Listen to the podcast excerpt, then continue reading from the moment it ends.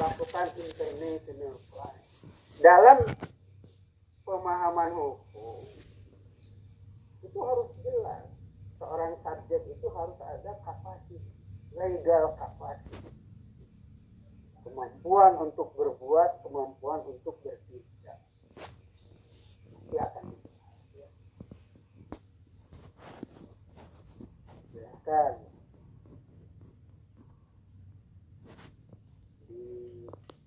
ditanyakan lagi silakan. Bu Desi. Bu. Bu Neneng Bu Desi itu nggak? Tolong di Bu Desi teh sinyalnya iya Iya. hilang oh Ah, sinyal iya, iya. mas. Ah ini ampun. Kami bu di wilayah kita juga ya bios lah klub eh, Ibu Desi mangga silahkan diungkapkan RPS-nya Bu untuk satu semester ini. Banyak para mahasiswa ada gambarannya. Terus kasus apa yang akan kita pelajari Maret mangga Bu silakan Bu. Mangga pak. Nyari apa sih?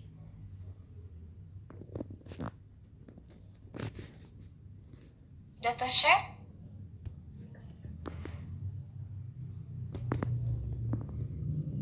udah belum. Ya nyala Ibu masih. Ya lagi. Dewe oke tungguan weh nah udah ada. Ya iya ya. Ini biasa pagi-pagi eh, sinyalnya rebutan baik eh, izin bapak ibu yang saya hormati dan juga mahasiswa pada kesempatan ini saya akan menyampaikan terkait dengan RPS mata kuliah hukum internasional. Eh, pengampu dari mata kuliah ini eh, ketuanya Pak Hasan Sidik kemudian saya dan Bu Neneng eh, mengikuti beliau untuk eh, perkuliahan ini RPS-nya sudah Nah, itu ya Bu di, di paling atas Bu ada terlihat. Nah, ini dari 1 sampai Ah. 12 ya. oh iya iya iya Nah, itu Bu. Terus, terus, terus. Jadi ini Bu yang materi pembelajaran pokok bahasa itu ada 1 sampai 12. Dinaikkan itu. Naik, naik, naik. Materi pokok pembelajaran. Naik lagi Bu. Yang sampai 12 itu. Nah, itu Bu. Ya, bisa para mahasiswa lihat tuh. 1 sampai 12 tuh, terlihat dari itu atasnya tuh. dari si Nah, yang yang 12-nya kan hukum diplomatik ya, Bu ya. Mana Bu di di ekspor ke mahasiswa. secara umum hukum internasional yang di HI ini memang udah baik ya udah baik sama ya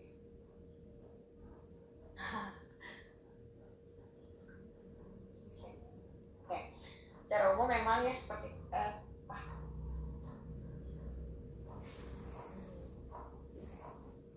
Hmm? seperti kata Pak Hasan ya eh, bahwa eh, di HI ini untuk hukum internasionalnya eh, singkat sekali gitu waktunya sementara internasional itu banyak luas gitu nah eh, hanya kita akan tetap eh, berupaya eh, menyampaikan kepada anda esensi dari mata kuliah ini terutama yang terkait negara itu pentingnya akar utama ini adalah negara mau. Nah ini eh, inti dari materinya seperti ini. Saya share yang ini aja ya biar yang bawah-bawahnya pada panjang. Ini terkait dengan yang pertama itu terkait dengan konsep dasar hukum internasional. Apa itu hukum internasional, ruang lingkupnya, ruang lingkup uh, kajian hukum internasional, dan relevansinya dengan studi HI. Ini ini yang penting ya, uh, relevansi dengan studi HI-nya. Kemudian uh, perwujudan hukum internasional. Hukum internasional seperti apa sih gitu, dalam realnya, dalam dunianya, dalam kelihatannya kayak apa wujud itu maksudnya ini ada hukum internasional yang sifatnya memang untuk level sistem Jadi, uh, Anda akan belajar ya tentang level of analysis dan studi, studi HI. Nah, perwujudan hukum internasional juga ada yang uh, si, uh, level sistem internasional. Kemudian ada yang regional. Kenapa tidak ada yang nasional? Gitu. Kalau kalau level of analysis HI mah kan ada yang apa ya yang level nasional bahkan uh, lokal gitu ya. Kenapa ini berhentinya di regional perwujudan hukum internasional ini? Karena memang uh, sifatnya internation. Jadi uh, nationnya satu dengan nation yang lain. Ya dia mengikatnya. Kemudian relevansi hukum internasional dengan hukum nasional. Ini bagaimanapun hukum internasional itu adalah uh, kesepakatan antar negara awalnya ya kesepakatan antar negara meskipun seninya berkembang lebih lanjut dan nanti dari kesepakatan itu akan diadopsi ke dalam hukum nasional negara tersebut untuk dilaksanakan. Tentunya kemudian uh, uh, apa yang berikutnya adalah terkait dengan penegakan hukum internasional. Ini kalau di bayangan kita uh, negara mah kan gampang ya kayak negara ada polisinya gitu ada hakimnya dan jaksanya ada internasional kayak gimana? Siapa polisinya? Ada enggak polisinya? Ya nanti uh, lebih lanjut uh, kita akan share. Berikutnya adalah sumber hukum internasional. Sumber hukum internasional. Kemudian berikutnya juga ada subjek hukum internasional. Subjek ya. Siapa pelaku subjek? Uh, sebenarnya ada juga objek ya siapa yang akan dikenai ya. Siapa yang berlaku uh, dikenai hukum internasional itu.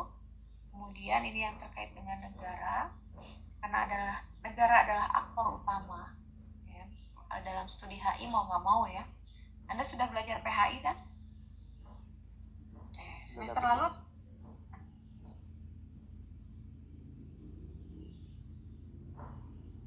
Semester lalu?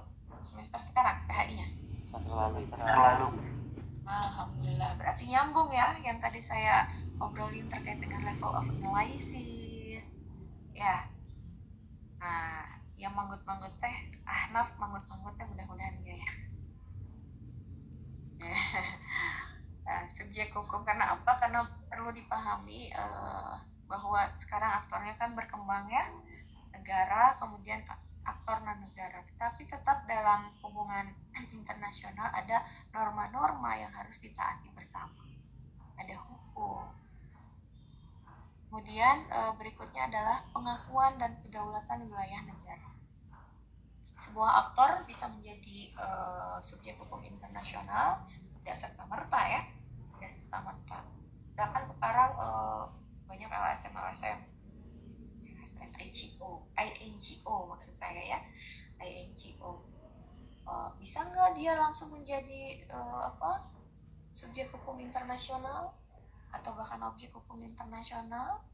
Oh, bisa enggak? Sementara dia melakukan aktivitas di, uh, di satu negara, uh, kemudian negara cabang, ya, atau kalaupun dia tidak mempunyai perwakilan di negara cabangnya, dia melakukan aktivitasnya, program-programnya dan kalau misalkan melakukan program dia tetap harus melakukan perizinan nasional ya. Kalau misalkan di sebuah provinsi tertentu tetap harus uh, menghormati hukum pemdanya pemdanya. Ya di sini pengakuan dan kedaulatan wilayah negara. Kemudian juga ada terkait dengan yurisdiksi. Yurisdiksi dan tanggung jawab negara. Ada juga nah baru itu itu yang esensi ya kenapa negara menjadi dom domain aktor domain aktor dalam hubungan internasional dan juga dalam hukum internasional. Kemudian baru kita akan uh, beranjak ke varian ya seperti kata Pak Hasan. Banyak banget hukum internasional ini. Ya ini ada varian-variannya. Hanya nah anda lihat ya eh, apa karena banyaknya tapi terbatas waktunya mungkin kita hanya akan introduction saja. Mengenalkan saja introduce saja kepada anda semua eh, apa itu hukum laut internasional? Apa itu hukum udara dan eh, luar angkasa? Apa itu hukum humaniter? Ini pentingnya hukum humaniter ya. Apa itu hukum perjanjian internasional? Nah apa itu hukum diplomatik? Especially ya for hukum uh, diplomatik ini uh, ranah HI banget gitu. nanti anda kan ada yang bercita-cita dari diplomat ini harus dipahami ya. Misalnya kekebalan, kekebalan diplomatis. Gitu uh, kenapa se seorang duta besar kemudian ya KBRI kita di negara lain kenapa itu uh, menjadi imun gitu. Imun ya menjadi uh, hukum nasional sebuah negara tidak berlaku di KBRI kita misalnya gitu karena yang berlaku uh, karena itu dihormati ya dihormati oleh uh, apa subjek hukum internasional lainnya. Ini ini karena terbatas waktu ya sekali lagi uh, apa mungkin kita hanya introduce aja. Ya anda lebih mendalami uh, akan lebih mendalaminya seandainya anda membaca ya. Anda membaca source-source yang kita share, source-source-nya, kemudian juga uh, kita akan sampaikan materi secara terstruktur, bahan-bahan materinya, bahan-bahannya, ada mungkin nanti uh, e-booknya, e-booknya, kemudian uh, video-video penunjang ya, video-videonya kita memang nggak bikin video langsung, tapi akan anda lihat misalnya nanti ada konflik terkait uh, apa uh, crime uh, kewilayahan kedaulatan wilayah kayak misalkan uh, apa konflik laut Cina Selatan. Itu kan banyak ya di YouTube. Nah, memang uh, kita kan nggak mungkin langsung datang ya. Langsung video. Tapi anda dapat menganalisis video-video uh, itu dari mana. Nah ini untuk buku-bukunya uh, kalau saya sendiri ya memahami buku-buku hukum internasional itu karena banyak ya banyak sebenarnya bahasa Inggris yang uh, bukunya tapi uh, kadang pembahasannya karena bahasa hukum agak sulit dipahami. Sehingga saya tetap membaca. Hmm, ya. saya tetap membaca buku-buku hukum internasional yang bahasa Indonesia. Tidak kalah urgen ya membaca buku hukum internasional dalam bahasa Indonesia ini karena tokoh-tokoh hukum internasional di Unpad khususnya mungkin Pak Hasan juga udah uh, kenal tokoh itu uh, dosen-dosennya memang tokoh-tokoh juga ya dalam hukum internasional. Unpad ada juga yang di Indonesia juga ya.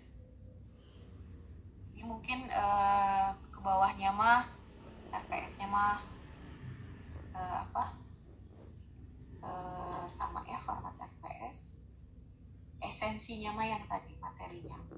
Mohon tuh ini ya. Hukum diplomatik akan di di apa di di, share didiskusikan lebih lanjut oleh kita bersama selama dua pertemuan. Tapi esensinya mah uh, tetap uh, mata kuliah yang 12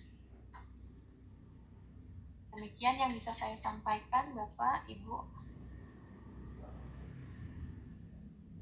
Uh, terima kasih, Bu Desi. Nah, kemudian kita akan mempelajari beberapa kasus ya, kasus berkaitan dengan hukum internasional. Barangkali Ibu sudah mengkoleksi eh, kasus apa saja yang akan dibahas di semester ini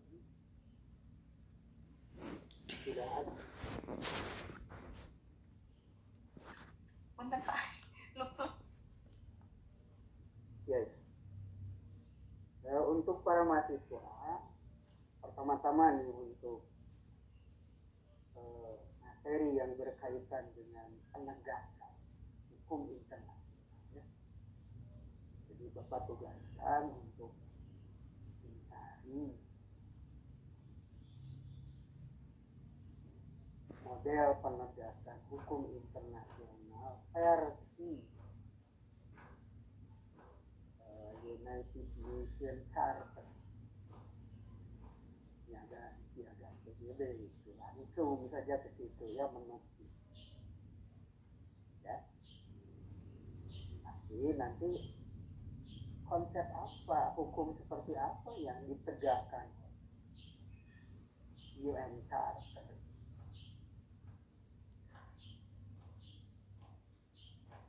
di UN itu kan ada dua pilar utama yang berkaitan dengan hukum internasional.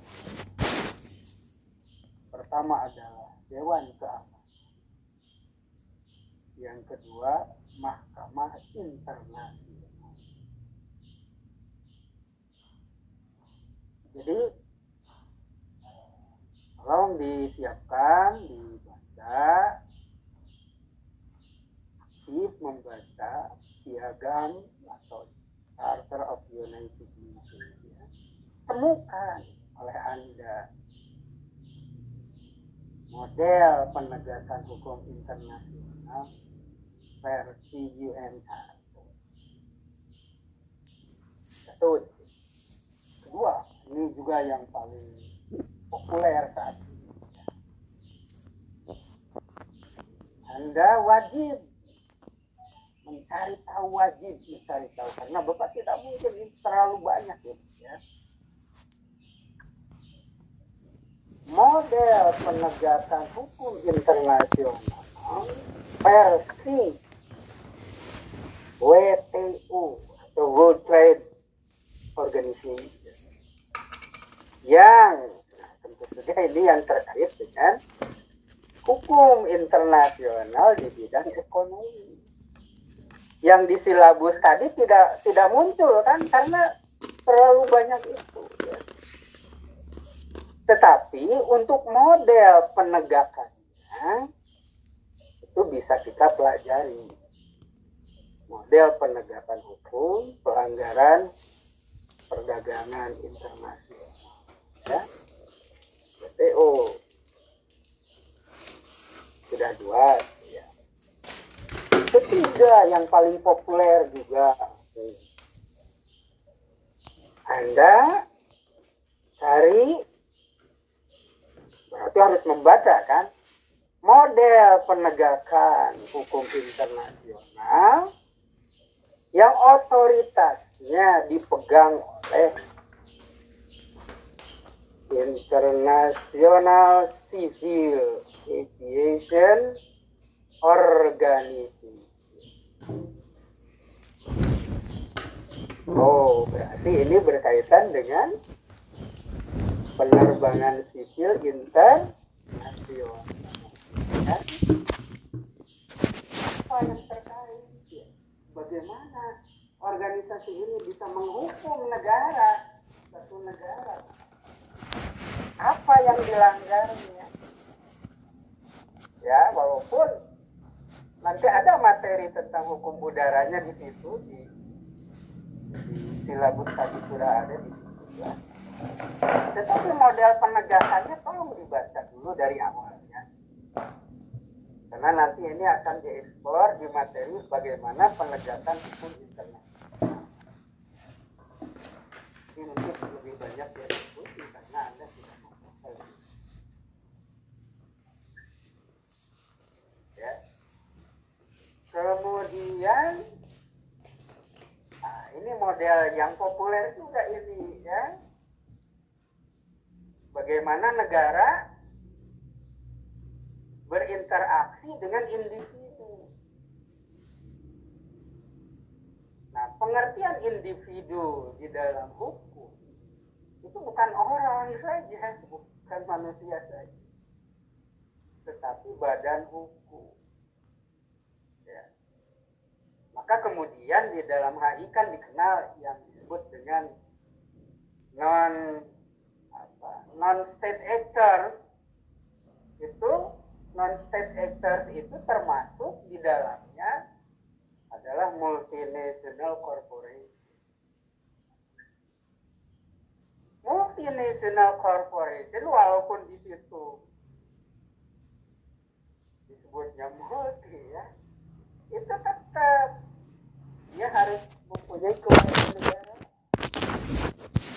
Kewarganegaraan apa? Bukan kewarganegaraan individu tetapi kewarganegaraan badan hukum.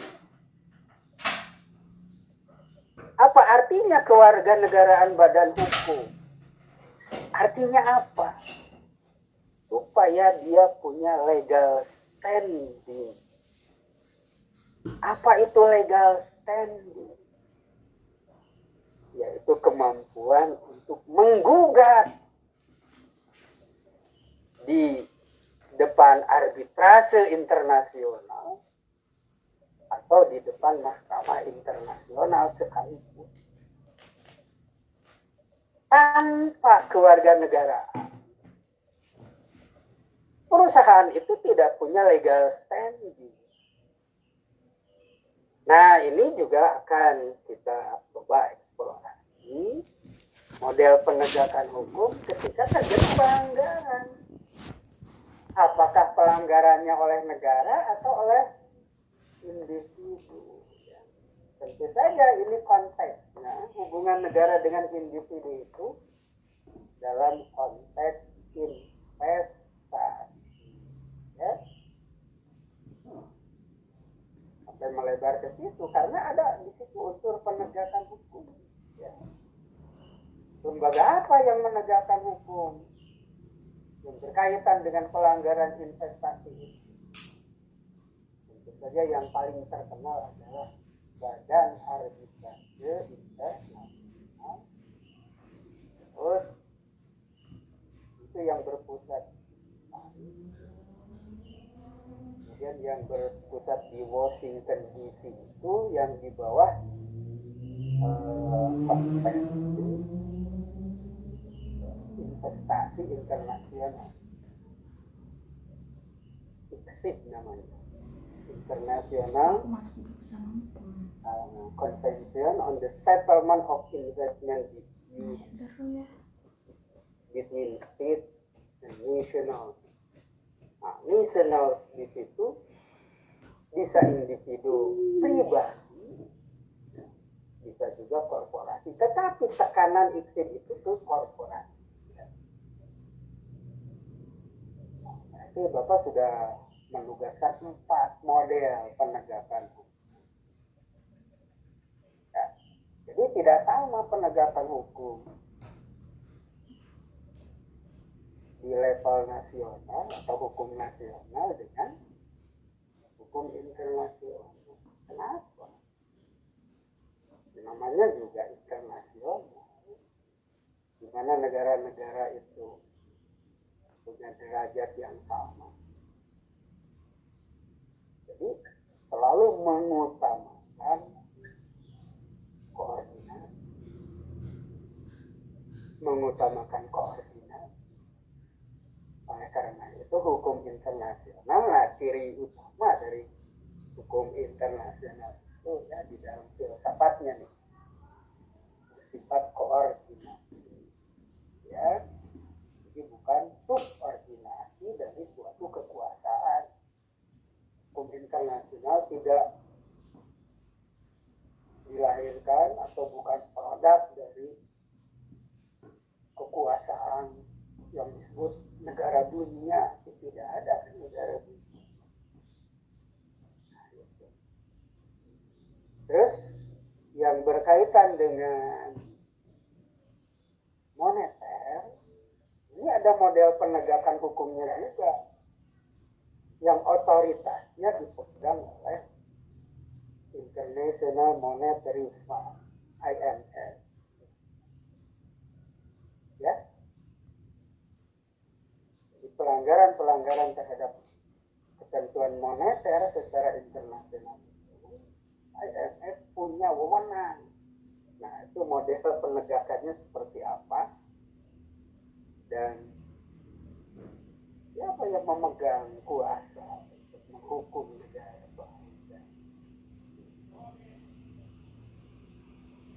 Jadi model-model penegakan hukum internasional itu sangat beragam ternyata. Nah, ketika bicara tentang kejahatan, nah ini kejahatan kan ada kemudian yang disebut dengan kalau yang tadi bukan kejahatan itu, bukan yang tadi-tadi itu ya, yang Bapak sebut. Kayak WTO itu dagang. IMF itu tentang moneter. Kemudian ICAO, ICAO itu tentang hubungan udara internasional. Itu bukan kejahatan. Nah ini yang berkaitan dengan kejahatan, ya, yang ada disebutkan kejahatan internasional. Berarti kan kalau bicara kejahatan ada penjahatnya, ya kan? Berarti penjahatnya itu manusia. Tapi kalau penjahat Ada penjahatnya negara tidak ada. oh, Nah ini anehnya ya. Ternyata walaupun yang melakukan kejahatan itu negara, ketika diadili, salah yang diadili orang bukan negara. Ya. Kenapa ini balik lagi ke konsep hukum tentang negara?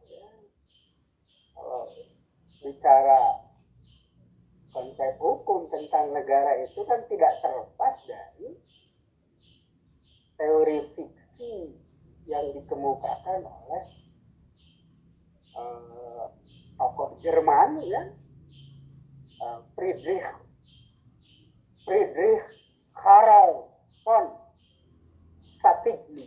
Nah, teori fiksi ini negara itu konsep fiksi. Organisasi itu adalah konsep fiksi. Disebut fiksi kenapa? Ya karena hanya ada dalam pikiran manusia. Ya kan?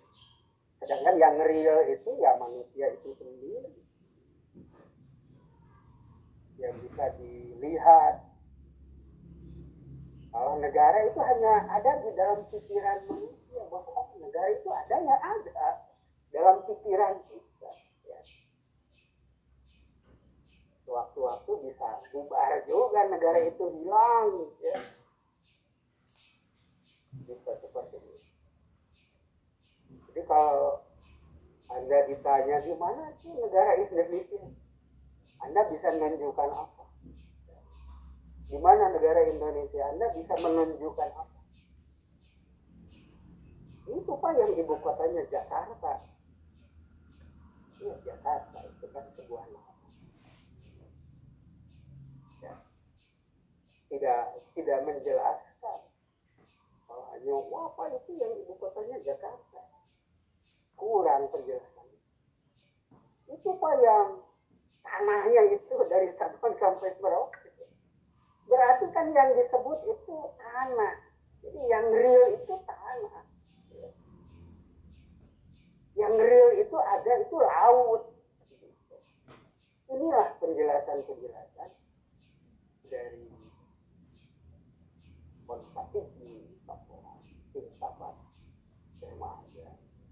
Jadi ketika negara berbuat jahat, ya negara tidak bisa dihukum.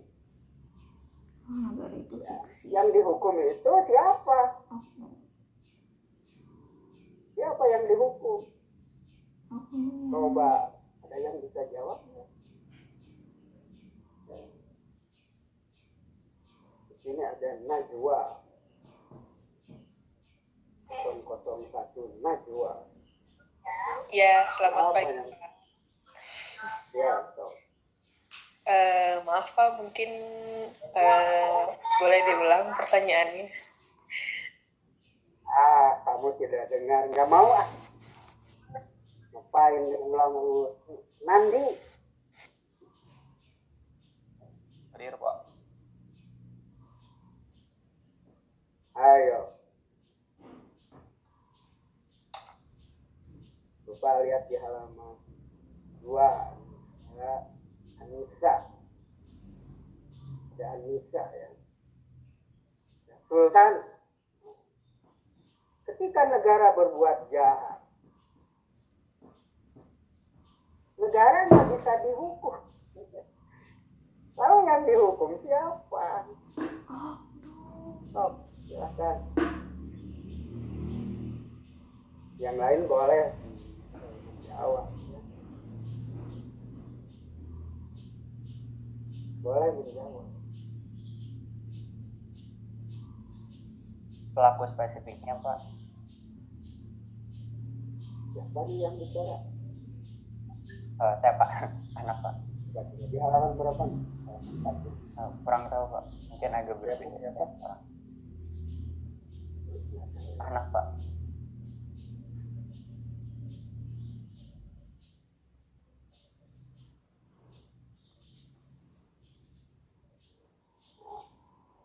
Ya di diperjelas. Jadi yang di di dalam hukum harus jelas siapa yang dihukum. Jadi ini kan apa itu? Jurisprudensi ya, jurisprudensi Tokyo. Kemudian jurisprudensi dari Nuremberg Bapak menyebut dua kota ya, Nuremberg dan Tokyo. Kira-kira dalam pikiranmu ada apa ini dengan dua kota ini? Izin jawab Pak. Hah? Izin menjawab. Ada apa? Eh, siapa yang dihukum ketika negara berbuat kejahatan adalah para pelaku kejahatannya sendiri. Misalnya kalau di perang terjadi sebuah kejahatan perang, maka yang dihukum adalah para tokoh-tokoh seperti jenderal atau koman- komandan-komandan yang bertanggung jawab atas kejadian yang terbukannya. Seperti di Nuremberg itu adalah para petinggi Nazi dan di Tokyo adalah para em, pejabat-pejabat militer Jepang. Nuremberg dan Tokyo itu mengadili ya, mengadili kejahatan perang dunia kedua. Ya. kan Amerika yang menang, ya kan? Walaupun sebetulnya kejahatan itu di- dilakukan juga oleh kedua belah pihak, ya. Tetapi nah, di sini kan harus jujur juga, dikonstruksi, dikonstruksi dulu. Ya. Ketika seseorang disebut jahat itu seperti apa? Dikonstruksi di Nuremberg dan Tokyo. Pertama, yang berhasil dikonstruksi itu ya yang disebut dengan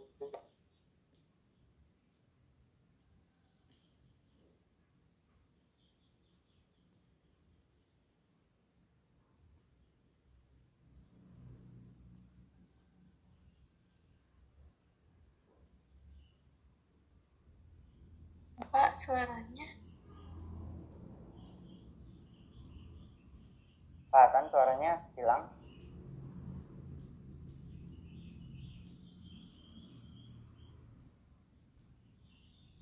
Halo Pak. Lup lep ya. Oh ada. Eh, cuma gerak cuma gerak videonya aja.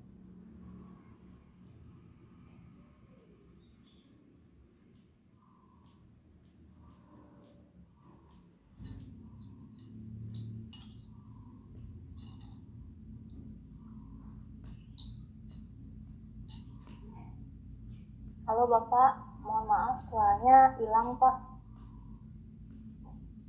Ada suaranya Pak Hasan?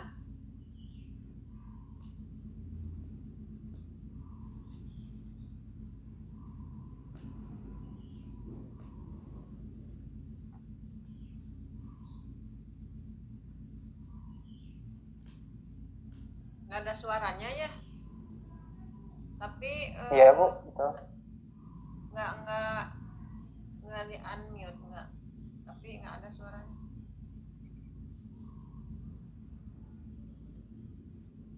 di mute nggak ya di unmute Mungkin audionya nggak connect, Bu. Jadi bapaknya nggak dengar kita juga. Oh iya audionya terputus Pak. Teh Desi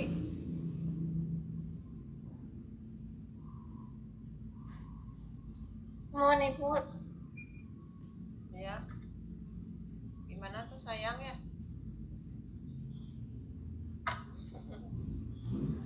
Bentar ya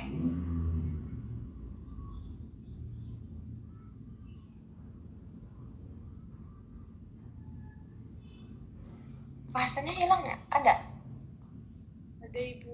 ada Ada ibu. Ibu. Ada bu. Ini lagi menjelaskan bapaknya. Iya. Ini sepertinya masalah hardware deh bu. Dari laptop bapaknya yang rusak atau sedang ada ngehengnya. saya mah hilang hilang sekarang mah ya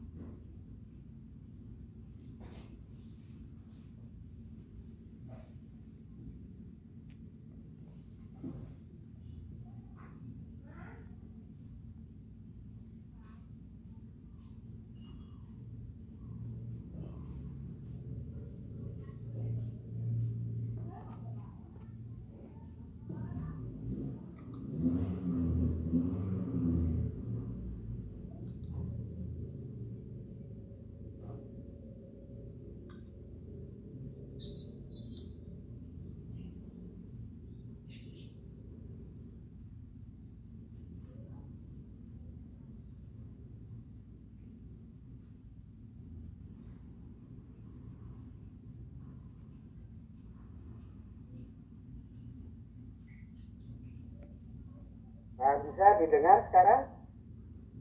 Sudah, Pak. Sudah, Pak. Terputus sampai mana? Halo? Pengadilan dunia kedua. Oh, dari, dari situ ya? Pengadilan? Ya, ya, ya, ya. Banyak ini banyak Perang dunia kedua. Oh iya, wah banyak sekali. Ya, jadi berhasil membuat konstruksi ya. Tidak bisa dipungkiri Amerika juga berbuat jahat. Ada lah, Prancis juga, Inggris juga ya. Nah, di situ yang dikonstruksi pertama oleh pengadilan Nuremberg dan Tokyo apa yang disebut dengan kejahatan terhadap perdamaian. Nah, Kejahatan terhadap perdamaian. Menggunakan parameternya ya, parameter eh, Covenant Liga Bangsa-Bangsa. Ya, Liga Bangsa-Bangsa sendiri kan produk Eropa, Amerika tidak ikut. Ya, tentang perdamaian internasional. Ini rusak itu Liga Bangsa-Bangsa itu dirusak oleh Jerman dan Jepang. Sehingga otomatis lembaga ini tidak berfungsi mempertahankan perdamaian internasional. Oleh karena keluar aja turun tuh suatu konstruksi yang disebut dengan kejahatan terhadap perdamaian internasional. Tentu saja ini ditujukan ke dua negara lain, yaitu Jepang dan Jerman. Yang memprakarsai terjadinya perang dunia. Perang Pasifik. Perang Pasifik itu yang eh, mendeklarasikannya kan Jepang dulu. Ya berperang dengan Amerika. Jepang dulu ya percaya diri banget Jepang. Ditandai dengan penyerbuan ke pelabuhan di Hawaii Pearl Harbor memang di situ adalah pusat angkatan laut. Itu pasti. Serang itu subuh subuh ya. Nah ini ini sebagai sebagai apa? Satu apa semacam titik-titik yang dipakai untuk membuat suatu konstruksi yang disebut dengan kejahatan terhadap manusia. Di rentetan sejarahnya seperti apa. Terus yang kedua, pihak Jepang ataupun pihak Jerman banyak sekali dalam rentetan penyelidikannya melakukan kekejian. Kita ambil contoh misalnya Jepang. Bagaimana gadis-gadis desa yang ada di Indonesia itu dipaksa, diambil dari keluarganya, ya, dan ayah ibunya nggak bisa menolak ketika gadis-gadisnya itu diambil untuk dibawa menjadi penghibur tentara-tentara Jepang. Ya. Tidak hanya Indonesia, Korea, Vietnam, pokoknya semua wilayah yang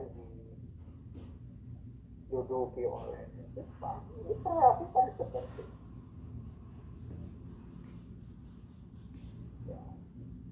Ini dikonstruksi kemudian oleh pengadilan. Di samping ya pembunuhan-pembunuhan yang tidak sah yang dilakukan Jepang. Ya. Jadi dikonstruksi model kejahatan kedua yang disebut dengan crime gain human kejahatan kemanusiaan.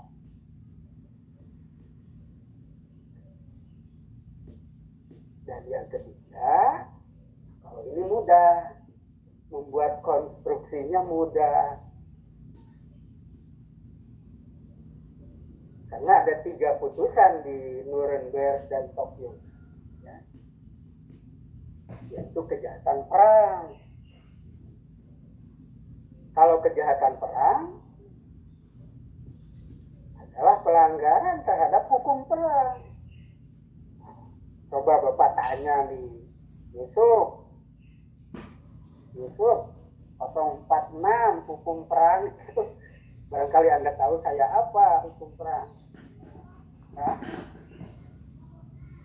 Uh, mohon maaf pak. Saya nggak tahu karena bagi saya oh, perang ya, ya. kalau sering nonton film mungkin tahu. Jadi kalau tentara nih yang kombatan itu dilindungi oleh hukum. Yaitu hukum Den Haag dan Jenewa. Sering juga disebut konvensi Jenewa tapi bukan Jenewa yang saat ini. Konvensi Jenewa tahun 1863 kalau konvensi Haag itu tahun 1899 sama. Diteruskan dengan 1907 itu hukum Den Haag itu uh, melindungi kombatan. Apa kombatan itu? Combat tentara. Ya jadi serdadu yang memegang senjata selama memegang senjata dia boleh ditembak. Itu menurut hukum. Ketika seorang tentara melepaskan senjatanya jadi warga biasa. dia tidak boleh ditembak. Nah itu hukum perang ya Yusuf Yusuf nah, melepaskan senjata itu berarti apa? Jadi warga apa tuh? Nyerah, Pak. Menyerah. Hmm. menurut hukum perang tidak boleh di ditembak. Ya.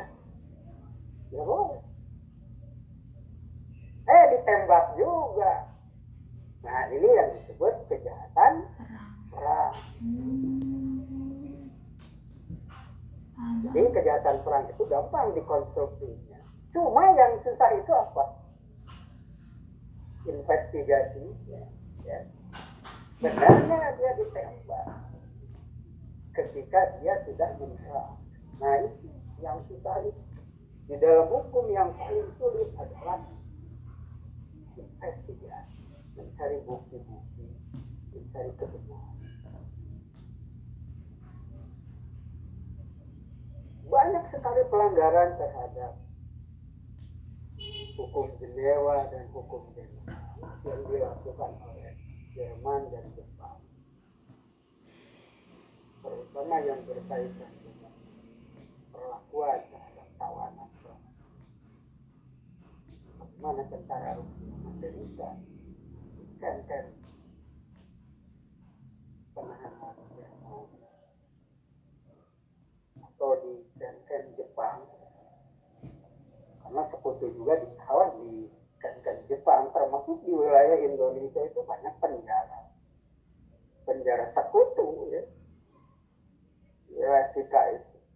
Banyak gua-gua kan. Nah itu akhir konstruksi ketiga yang disebut dengan kejahatan perang war crime. Itu hasil dari tiga putusan di Nuremberg dan Tokyo. Nah, yang dihukumnya orang, komander atau presidennya langsung yang terlibat secara langsung, memerintahkan secara langsung. Karena ada garis. Komander tidak bisa melakukan apa pun kalau tidak diperintah oleh kepala negaranya atau oleh. Ya, jadi rangkaiannya seperti itu. Nah ini penting sekali untuk diketahui ya di dalam konflik bersenjata invest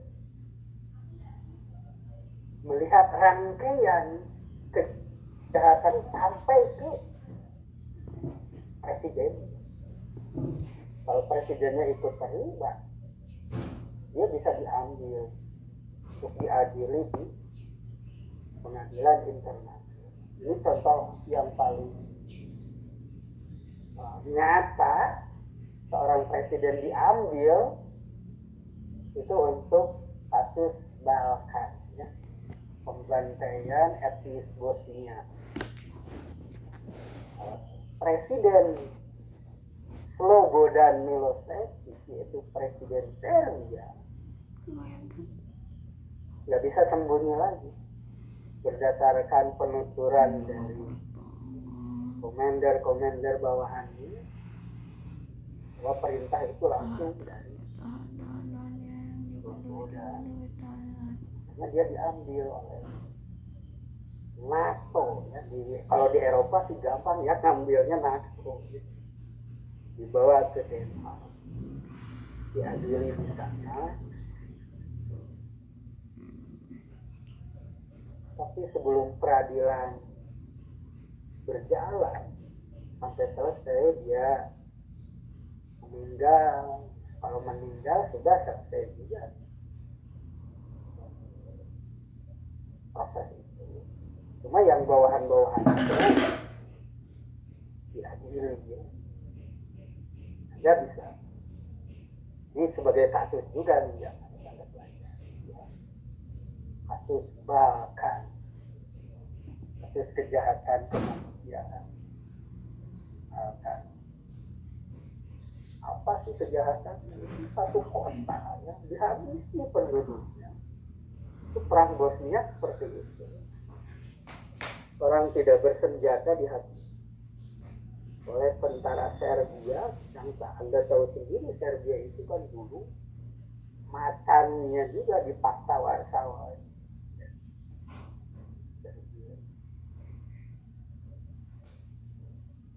Oke, eh, siapa yang mau? Sampai ini dulu ya.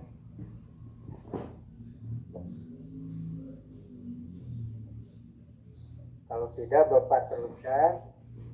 Ini sampai jam berapa, Bu Desi? Sampai jam Sampai- berapa? 9.30 Bapak. Jam 30. Lama. Untuk Ya RPS kalau Bapak terus bicara, Bapak capek sendiri harusnya Anda ya. Banyak tanya. izin bertanya pak. Boleh? ya perkenalkan saya Hanif. Saya izin bertanya. Yang keras, Eh, ya perkenalkan pak saya Hanif. Izin bertanya. Eh, apakah sama atau berbeda antara negara yang dihukum dengan negara yang disanksi pak jadi kata hukum hukuman buat sebuah negara dengan sanksi sebuah negara itu konteksnya sama atau hanya perbedaan kata saja pak gitu terima kasih coba cepat kecil sekali suaranya tidak terdengar. Negara yang dihukum. Dengga- eh, apakah konteks negara yang dihukum dengan negara yang disanksi itu sama atau berbeda pak? Jadi perbedaan kata doang atau emang konteksnya berbeda pak? Ya sanksi. Sanksi itu kan kalau diterjemahkan itu hukum. Hukuman. Hukum. Kalau hukum itu law kemudian ada istilah sanction. Sanction itu hukuman. Ya. dihukum itu sanction. Sama aja Tapi kalau maksudnya kalau negara yang disanksi itu biasa apa?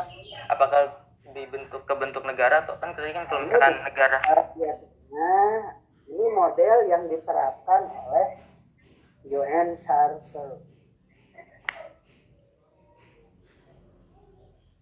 Ya, model-model sanksi yang ada di UN Charter.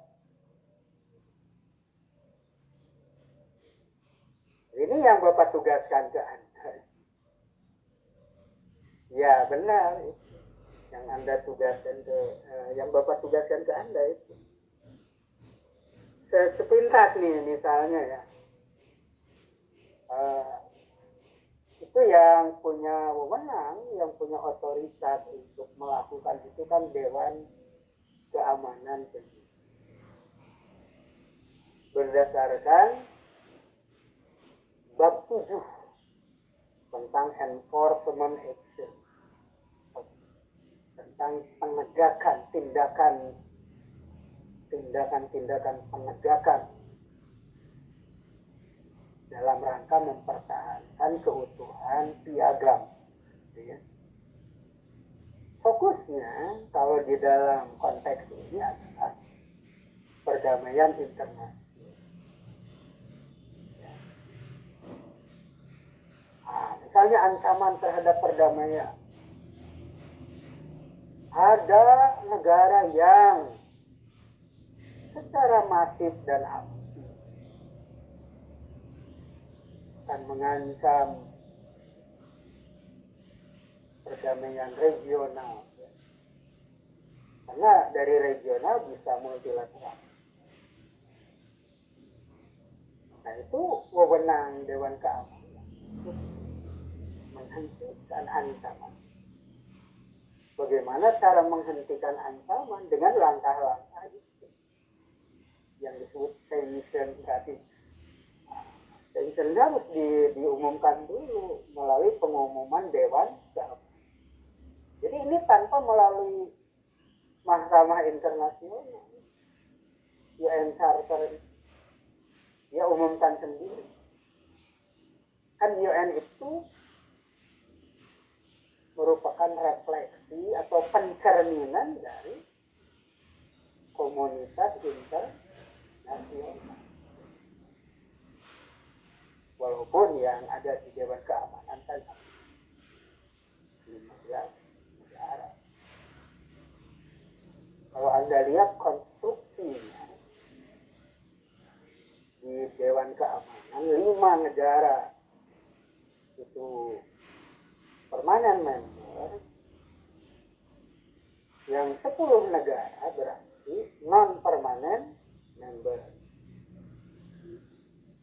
Nah yang 10 ini dipilih tetapi yang 10 ini harus mewakili kelompok Afrika mewakili Asia ini yang paling banyak ada Asia Barat dulu disebutnya Asia Barat ya. Kalau timur itu Far East. Timur jauh. Itu harus ada wakilnya dari region itu. Untuk mengisi anggota tidak tetap Dewan Keamanan. Sehingga secara keseluruhan di Dewan Keamanan itu me mencerminkan seluruh bangsa. Ada wakil dari Latin Amerika. Ada itu dua. Latin Amerika. Harus duduk, harus muncul di, di Dewan. Dalam periode tertentu ya, dua tahun, tiga tahun. Diganti-ganti tuh, muter ya. Tapi tiap region, tiap wilayah itu harus ada, wah, wajib ada. Ya. Nah, dialah yang punya otoritas untuk beri sanksi tadi. Ya. Sanksi apa? Ancaman terhadap perdamaian internasional. Bentuk kasus mungkin ya walaupun itu bohong ya. Ini, ini ya semua orang jadi tertawa akhirnya ya. Amerika itu nggak pakai PBB dulu. Waktu intervensi ke Irak yang katanya kata pihak AS sedang mengembangkan senjata pemusnah yang kemudian melahirkan perang teluk kedua. Jadi perang teluk kedua beda dengan perang teluk pertama. Kalau perang teluk pertama itu agresi, motifnya agresi Irak terhadap Kuwait. Kalau perang teluk kedua, tuduhan pihak AS bahwa Irak sedang mengembangkan senjata pemusnah massal yang dilarang itu? Tapi ngeri ya. Pemusnah massal itu satu kali dibom nggak bisa habis. Belum lagi efeknya dari radiasi yang dihasilkan. Itu bisa ke negara-negara tetangga. Nah, ini yang kemudian AS membuat sanksi terhadap Irak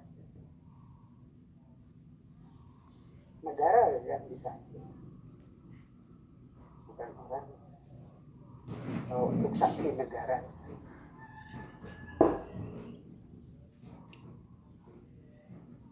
Kalau untuk kejahatan beda ya? Jadi anda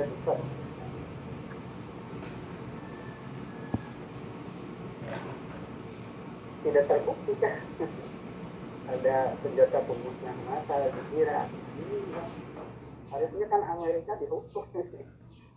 Cuma siapa yang bisa menyeret-nyeret Amerika? Pengadilan Indonesia ya, itu kasus perang salubah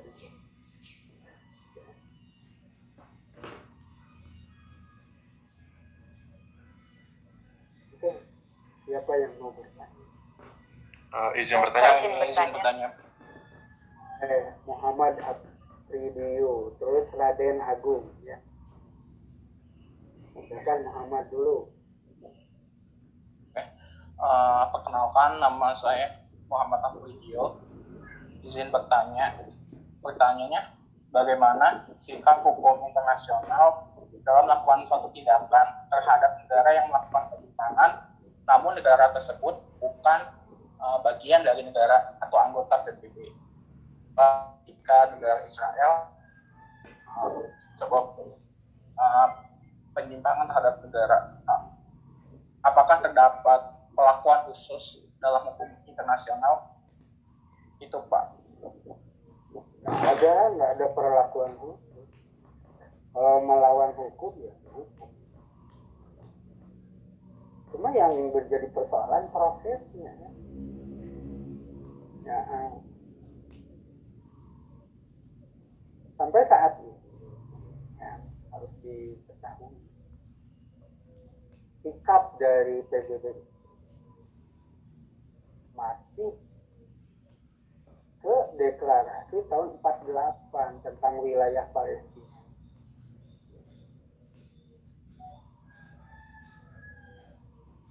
Jadi batas-batasnya itu yang 48. Pastinya kapan sih? Nah ini sampai di mana keterlibatan masyarakat internasional untuk meredam keganasan Israel di dalam menghadapi apa itu Palestina kemudian merebut nah ini konteksnya konteks hukum perang juga sebetulnya di situ masuk ya. sebelum sebelum Israel melancarkan serangan itu biasanya didahului dengan alasan-alasan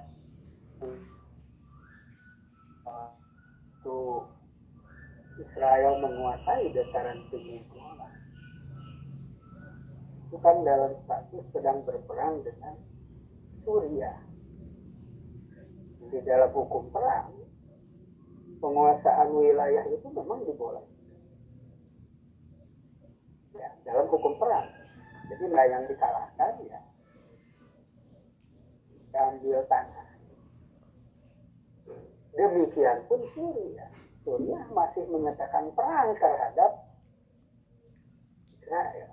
Dan akan merebut kembali dataran tinggi Golan.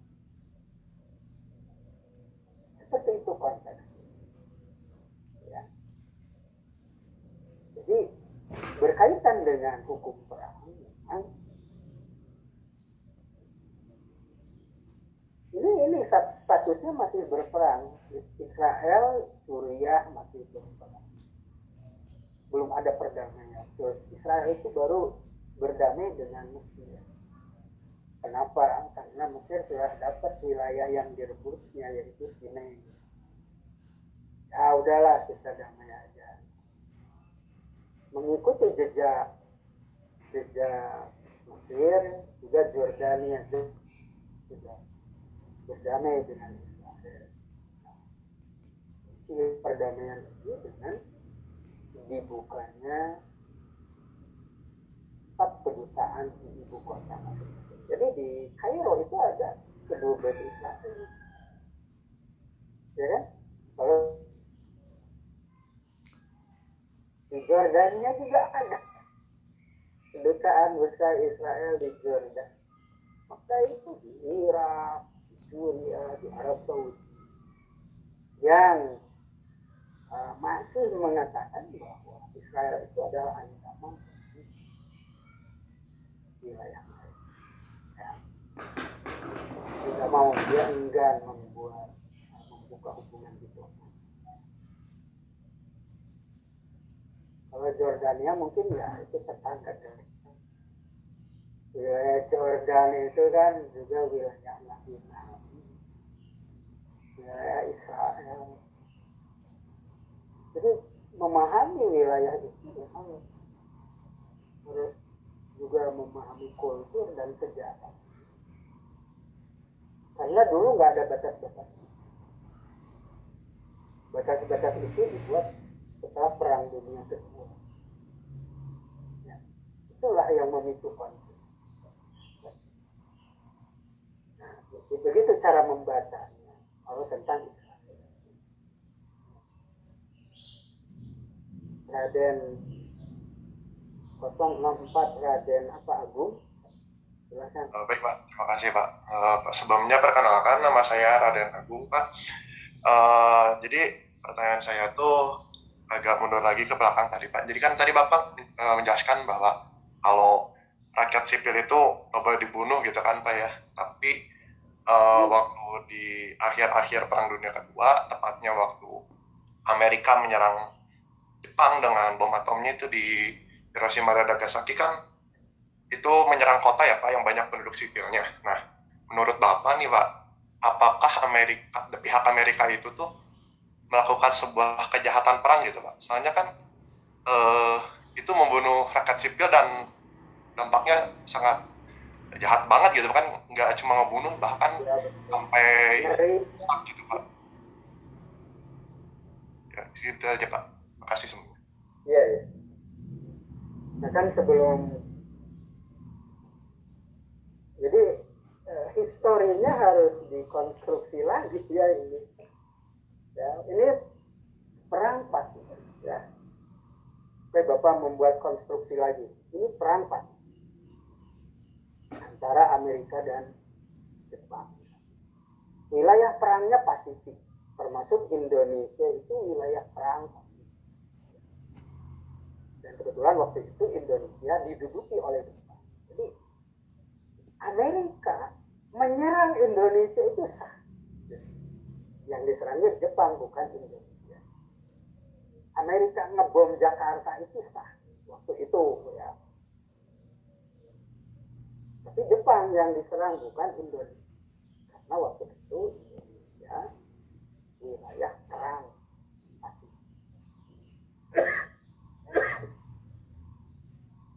Mulai dari samudra Pasifik sampai ke daratan-daratan yang melingkar di Pasifik. Walaupun tidak langsung ke Jakarta, itu satu demi satu jatuh ke tangan Amerika. Sampai bulan sampai bulan uh, Juli 1945 tentara Amerika itu sudah berhasil mendekati Jepang. Jadi Jepang benar-benar keteteran di lautan.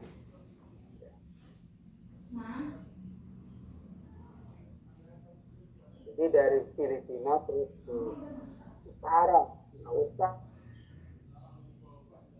Jadi dari Filipina itu langsung ke uang Korea? Nah ini ya Korea. MacArthur berhasil mendaratkan tentara Amerika di semenanjung Korea? Rampak terus tentara Jepang di sampai ke perbatasan. Kalau dari utara yang menyerangnya kan Rusia dulu Soviet.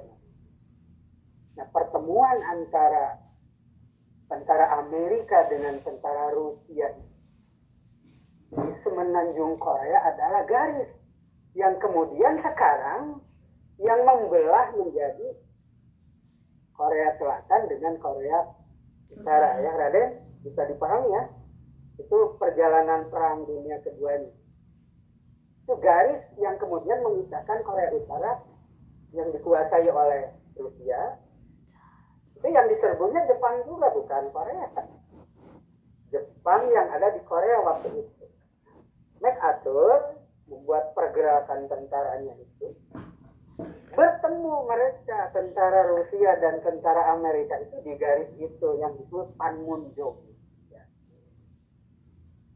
kota desa kecil Panmunjom sebagai garis batas pertemuan tentara AS dan tentara Rusia. sebagaimana hukum perang setiap wilayah yang sudah diduduki itu jatuh ke tangan yang pemenang ya. Adapun Jepang nah ini setelah itu kan Jepang itu terkurung di barat dari semenanjung Korea dikurungnya dari timur ya dari lautan dari samudra Pasifik kemudian Amerika menawarkan. Sudah akhiri saja. Perang ini. Ya. Itu artinya mengakhiri perang tanpa harus penyerbuan langsung ke Jepang. Tetapi nah ini ya Kaisar tidak mau. Kenapa tidak mau?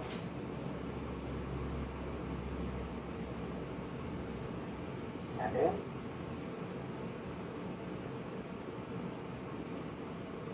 Harga punya ini apa? Kayak pedoman gitu. Mending ya, mati pedom. perang daripada menyerah gitu. Daripada malu. Ya. Itu pedomannya kalau pedomannya sudah begitu diajak berhenti perang tidak. Oke akan, akan saya akhiri saja. Berarti siapa yang mengorbankan rakyat itu ada? Ya berarti yang mengorbankan rakyat ini konstruksi ya. Konstruksi harus dibuat. Eh, memberi ultimatum lebih baik menyerah daripada banyak korban tidak mau sudah kita tes tes pertama apa? Eh, 6 Agustus di Hiroshima kan pak. Ya tanggal 6 Agustus menjatuhkan bom atom di Hiroshima pak Bam. Lumat itu kota. Tapi penduduknya sedikit loh Hiroshima. Jadi tidak Tokyo yang dibom. Yang penduduknya sedikit. Nggak nyerah juga. Diberi waktu lagi. Enam. Yang kedua tanggal berapa? 9 Agustus pak di Nagasaki 9 Sembilan. Ya bro. Sembilan tiga hari ya. Nagasaki itu. Nah, dari Nagasaki itulah kemudian Kaisar menangis. Kaisar. Menangis, kemudian dia sujud. Takut Timbul lagi. sebagai apa itu? Tanda dia menyerah. Ada bom lanjutan tidak kan setelah itu? cuma Ya, rencananya ya. aja kan pak ya sebetulnya itu untuk menghentikan ya, peperangan. Dipilih dua kota, Hiroshima dan Nagasaki itu kota-kota kecil, sebetulnya tidak sebanyak Tokyo. Kalau mau kan Amerika bombardir aja Tokyo. Kenapa sih harus Hiroshima dan Nagasaki? Untuk memperlihatkan kekejian perang itu seperti itu kepada kaisar. Jadi konteks berlaku di sini. Sebenarnya siapa yang melakukan kata Amerika? Jepang yang mengorbankan rakyatnya sendiri karena sudah ditawarkan. Ya. Barangkali itu gambaran. Ya. Itu bagus lu pertanyaannya. ya nggak bisa dijelaskan secara singkat itu harus tahu runutannya dulu. Ya. Oke. Bapak ingin lihat halaman dua ya. Ada 009 Olita. Olita mau tanya? Enggak Pak, belum ada pertanyaan. Ya, enggak. Nyimak ya. Oke, Bapak lihat di halaman 3 ada ada Eka 091. Erika mau tanya Erika. Belum ada Bapak sama sama kayak juga masih di. Kasih Pak. Halaman 4. Halaman 4. Ini pada hadir enggak nih? Enggak ada orangnya satu. Di sini ada Putu, ada Hasna, ada Tiara, ada Fuad, ada Anya, ada Jalfa, ada Farhan. Putu, Putu, mau tanya Putu. Ini baru balik dari saya. Saya Hmm. masih mencerna Pak, soalnya maksudnya masih baru banget. Cari ya, masalah-masalah yang ber internasional yang patut ditanyakan. Izin bertanya Pak, Siapa?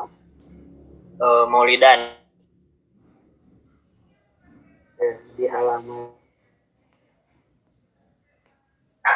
Ada yang apa? namanya siapa? Maulidan Pak. Ya silahkan. Eh, ini pertanyaan saya nggak tahu apa bagus atau enggak ya Pak. Eh, jadi eh, apakah kalau dari hukum internasional ini kita kayak ada juga belajar tentang pasal-pasal kayak gitu nggak Pak? Terima kasih Pak. Pasal. Pasal. Ya, ada pasal-pasal kayak gitu atau berbeda? Ya beda dong. ya yang dibaca sebetulnya pasal itu, ya kan? Nah tadi kan seperti hukum perang tadi, Eh, ketika tentara yang melepaskan senjata nggak boleh ditembak itu kan pasal sebetulnya. Cuma kalau di hari nggak perlu lah disebutkan pasal. Ya kan? Jadi ini model pengajaran hukum internasional di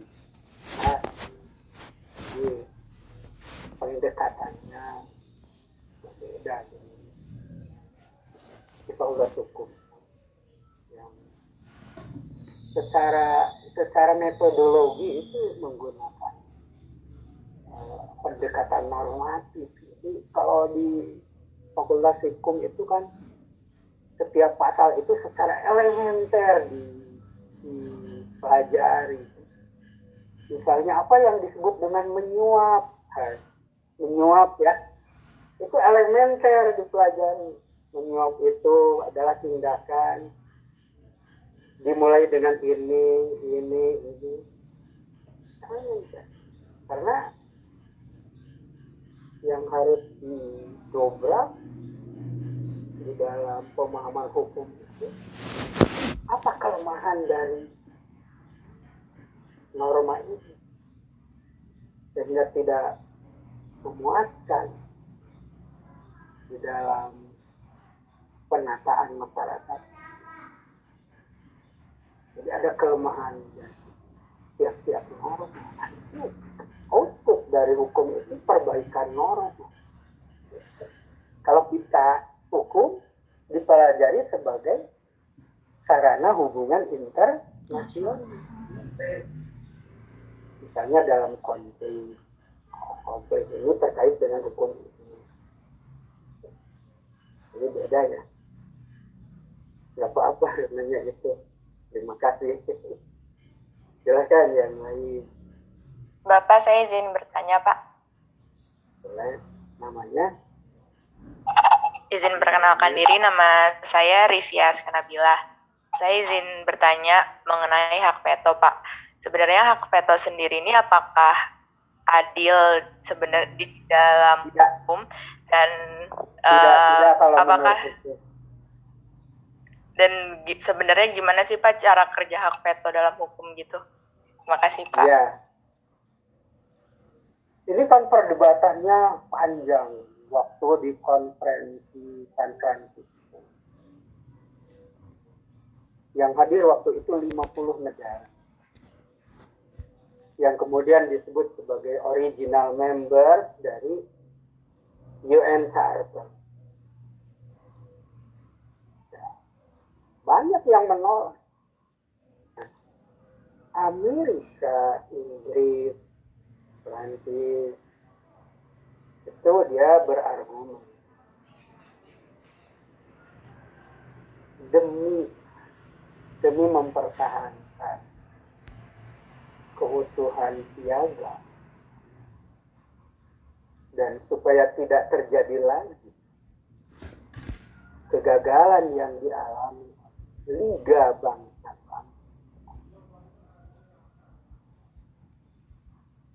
Maka kelima negara ini meminta izin. Meminta izin untuk melindungi keutuhan piagam dengan cara dimunculkan di pasal 27 nah, sekarang Bapak bicara pasal. Pasal 27 piagam PBB ya ya ada istilah veto di istilah hak veto itu istilah yang dikembangkan para politisi ya. Ini bapak beritahu. Nggak ada istilah hak veto yang ada menurut pasal 27 setiap putusan. Dengarkan ya? Setiap. Oke? Iya Pak. kan jangan-jangan terputus lagi.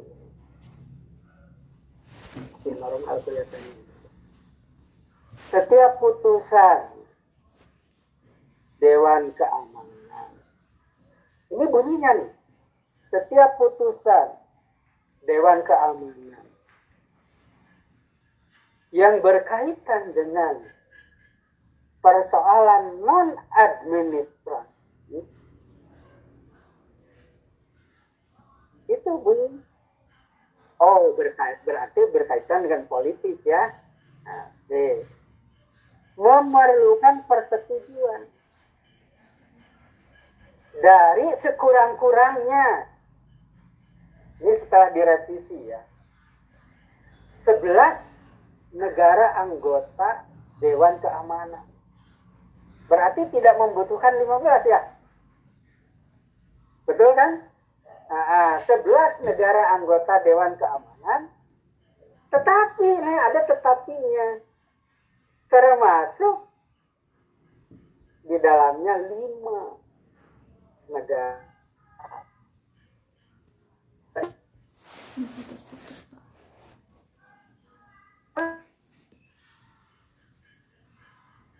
setujuan.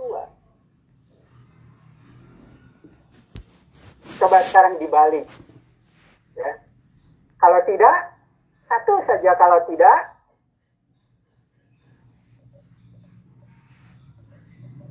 ditolak Pak. maka apa? Kalau tidak, maka apa? gagal pak nggak jadi nggak setuju Putusan itu tidak bisa di diputuskan. Yang kemudian ini terkenal dengan istilah hak veto. Tapi itu alasan yang dibuat di San Francisco sehingga muncul pasal 20 itu. Nah, sekarang timbul gerakan demokratisasi di Wuhan Katolik bukan?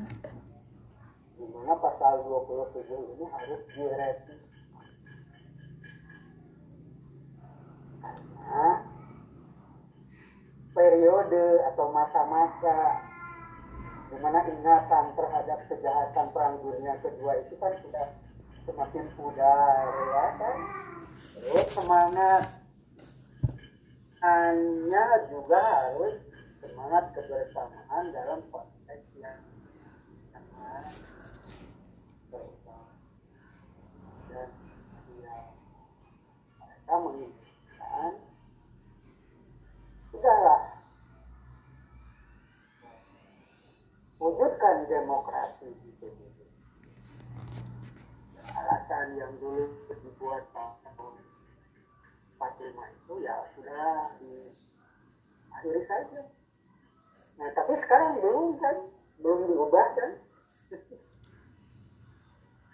Apakah ancaman terhadap perdamaian masih mengemuka.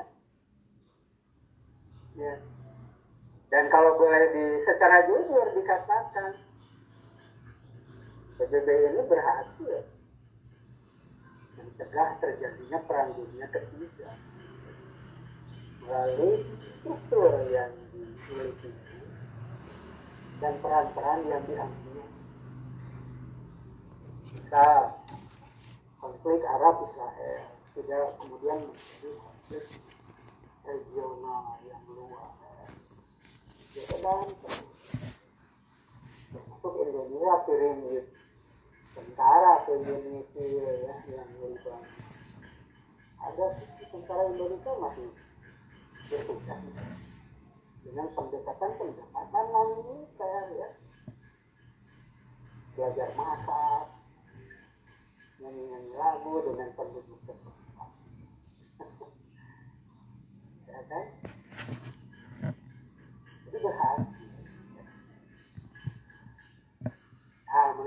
kan sebetulnya belum sampai pada situasi di mana ancaman terhadap perdamaian itu hilang jadi ya mungkin Amerika kekeh ingin tetap memegang hak-hak istimewa itu ya di Dewan Keamanan kalau Prancis Inggris itu sebetulnya mengikuti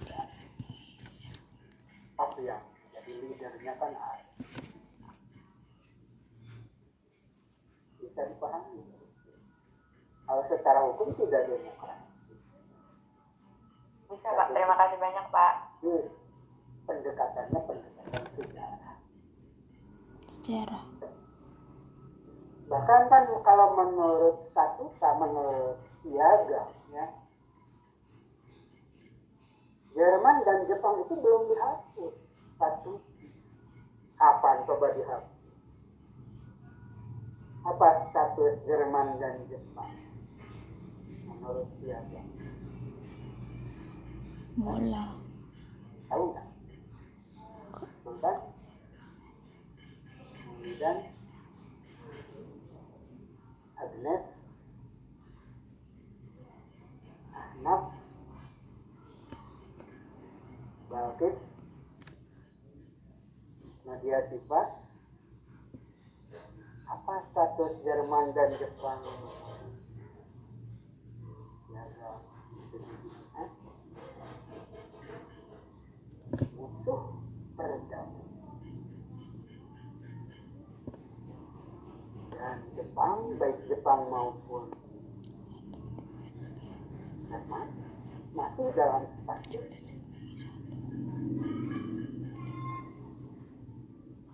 disarmament apa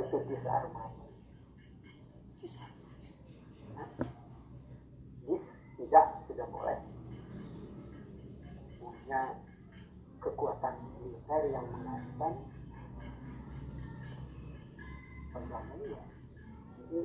boleh punya senjata.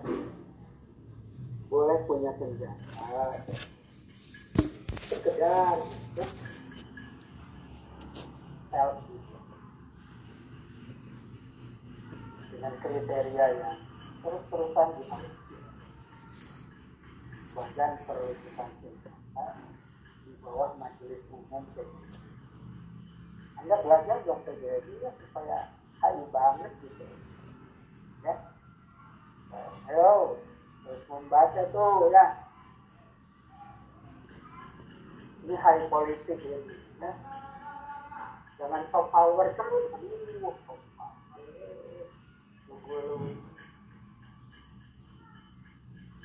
itu jadi Jepang boleh punya senjata Jerman boleh punya senjata sekedar. Untuk oleh karena itu untuk membeda membela diri Jepang eh, dan membela diri Jerman dari serangan itu maka ditempatkanlah ribuan tentara akhir baik di Jepang maupun di Jerman ini di Jerman itu ada tentara Amerika ribuan bahkan sampai 40 ribu tentara Jerman yang siap meluncur ke penampungan sama di Jepang orang Jepang sendiri ya happy aja hanya dijagain Amerika oh, langsung bangkit membangun ekonominya Korea juga sama seperti itu Korea itu merasa dilindungi bangkit membangun ekonomi. Ya bangun juga. Sehingga Korea jangan mana Korea Selatan? Sudah melampaui tidak apa itu dibanding Korea ya dan kultur nah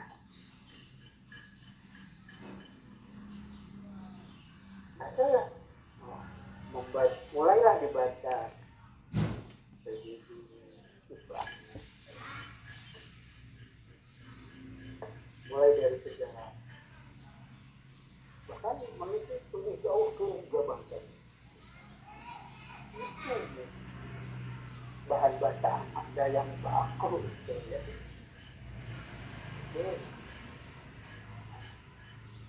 Tetap silakan siapa lagi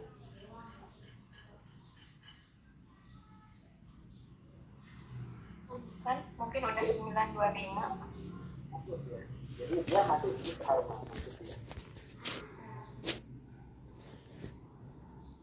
mana tadi ada yang uh, Bapak punten mungkin udah jam 925 um, boleh sekarang ini uh, mem- mengisi siat ya? Iya Bapak Bu. Bu mahasiswa itu nggak akan bisa di nggak akan bisa masuk kalau dosennya belum belum sudah dibuka?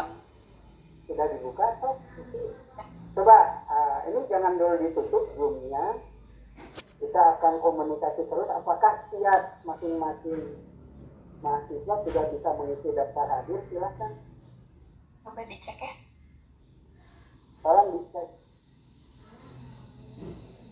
Bu, oh juga nangis sudah bisa nggak eh, Bapak, ah, ini saya melihat keterangan tidak hadir sampai pertemuan 16, Pak.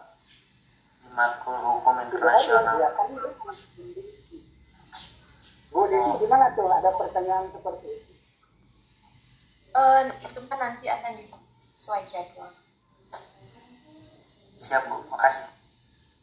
yang pertemuan berikutnya keterangannya kan tidak hadir nanti akan dibuka sesuai jadwalnya minggu depan pertemuan kedua gitu nanti itu dibukanya jam segitu tanggal segitu jam jam 7.30 sampai segitu.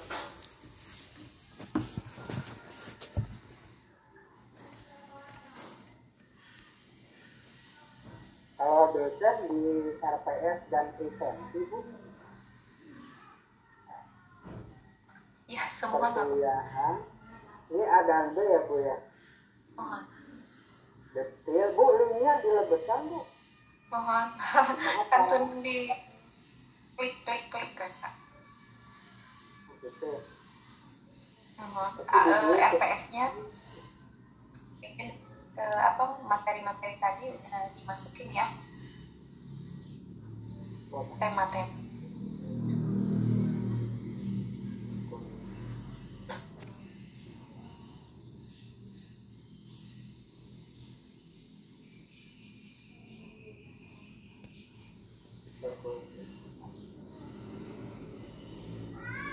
Sekarang tanggal berapa, Bu?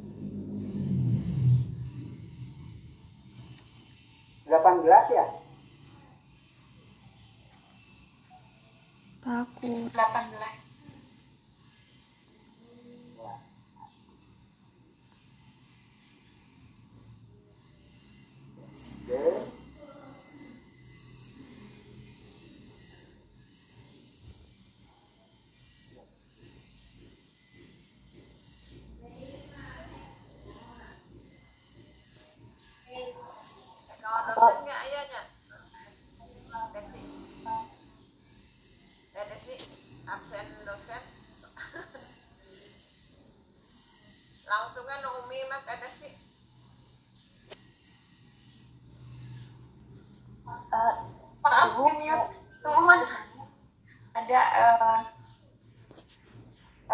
langsung weh.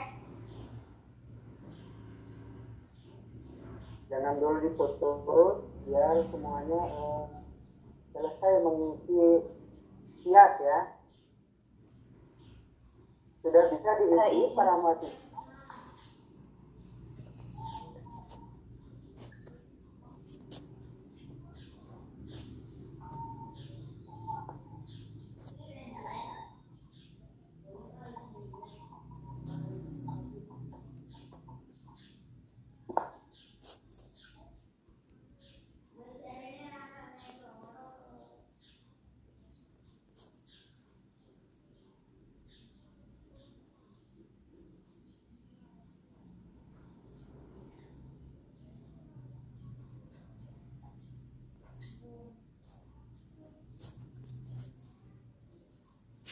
kalau untuk melihat kehadiran mahasiswa bu?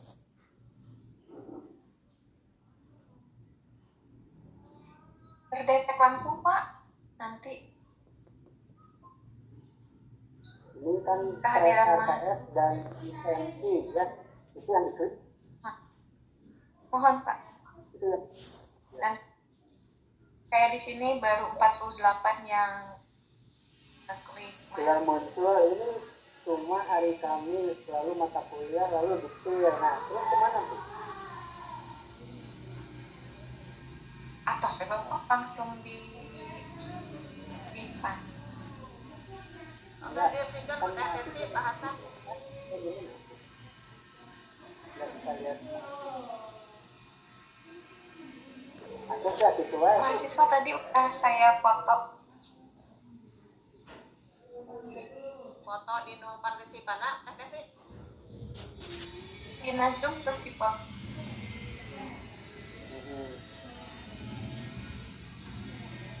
barusan sudah Lihatnya udah diubah deh ini format ini. mohon Nah, nggak ya udah bapak kok abdi?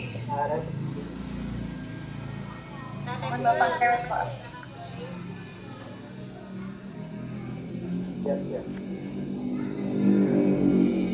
Oh, Ibu mahasiswa baru izin bertanya. berapa nih Silakan. ya gimana Eh, apakah kelas ini ada Google Classroom-nya, Kamu? Eh, antara LMS dengan Google Classroom ya siapinnya LMS dulu misalkan ada problem dengan LMS misalnya LMS itu eh, tidak bisa nge-share file lebih dari 15 512 MB sementara kita buku kan banyak ya. Nanti saya share buku-bukunya videonya gitu. Paling kita LMS dulu nanti di backup lah ya. Oke, Ibu. Baik, terima kasih. ya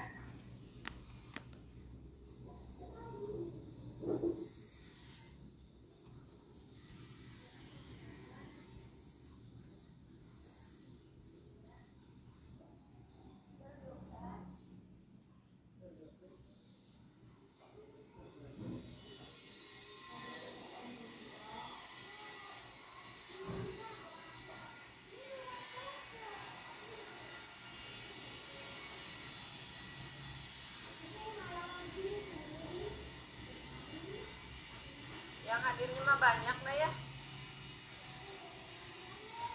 Full. Hmm, ya. udah difoto insya Allah iya. Sip pokoknya lah beres. Mateng desi mah nah bapak badai ditutup poe tutup aja bu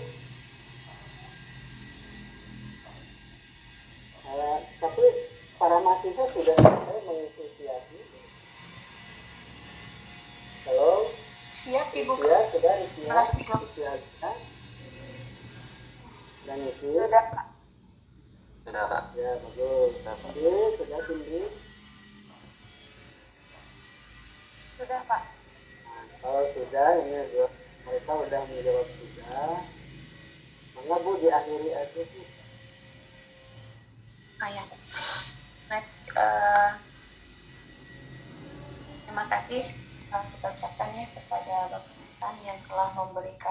materi introduction ya terkait dengan hukum internasional.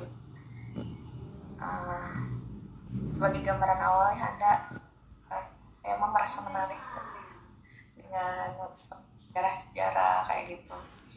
Ini mungkin akan kembali kayak PHI gitu ya, di aspek hukum. Makanya jangan bosan-bosan baca-baca sejarah ya terutama perang-perang kayak hukum ini timbul juga salah satunya. Demikian uh, kita tutup saja kali ini. Melanjut kita berikutnya. Assalamualaikum warahmatullahi wabarakatuh.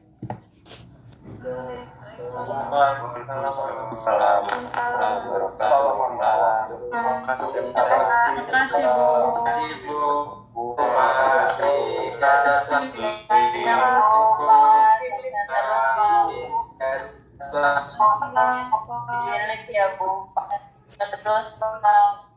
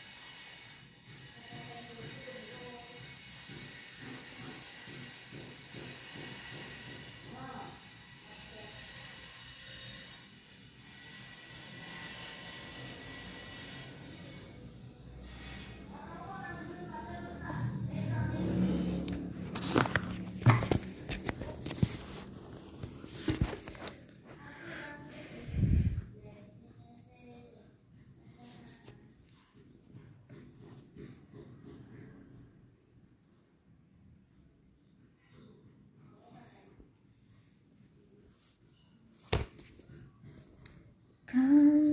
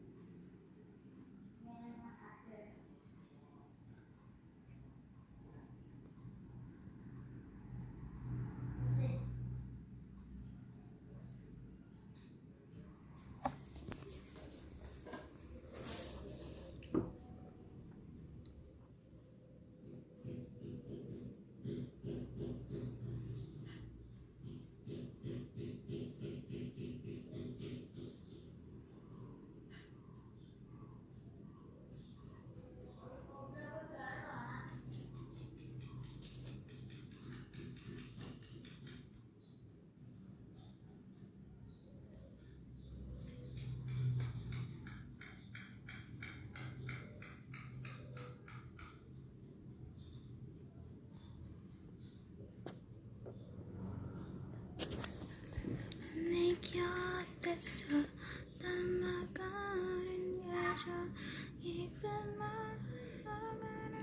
Thank you.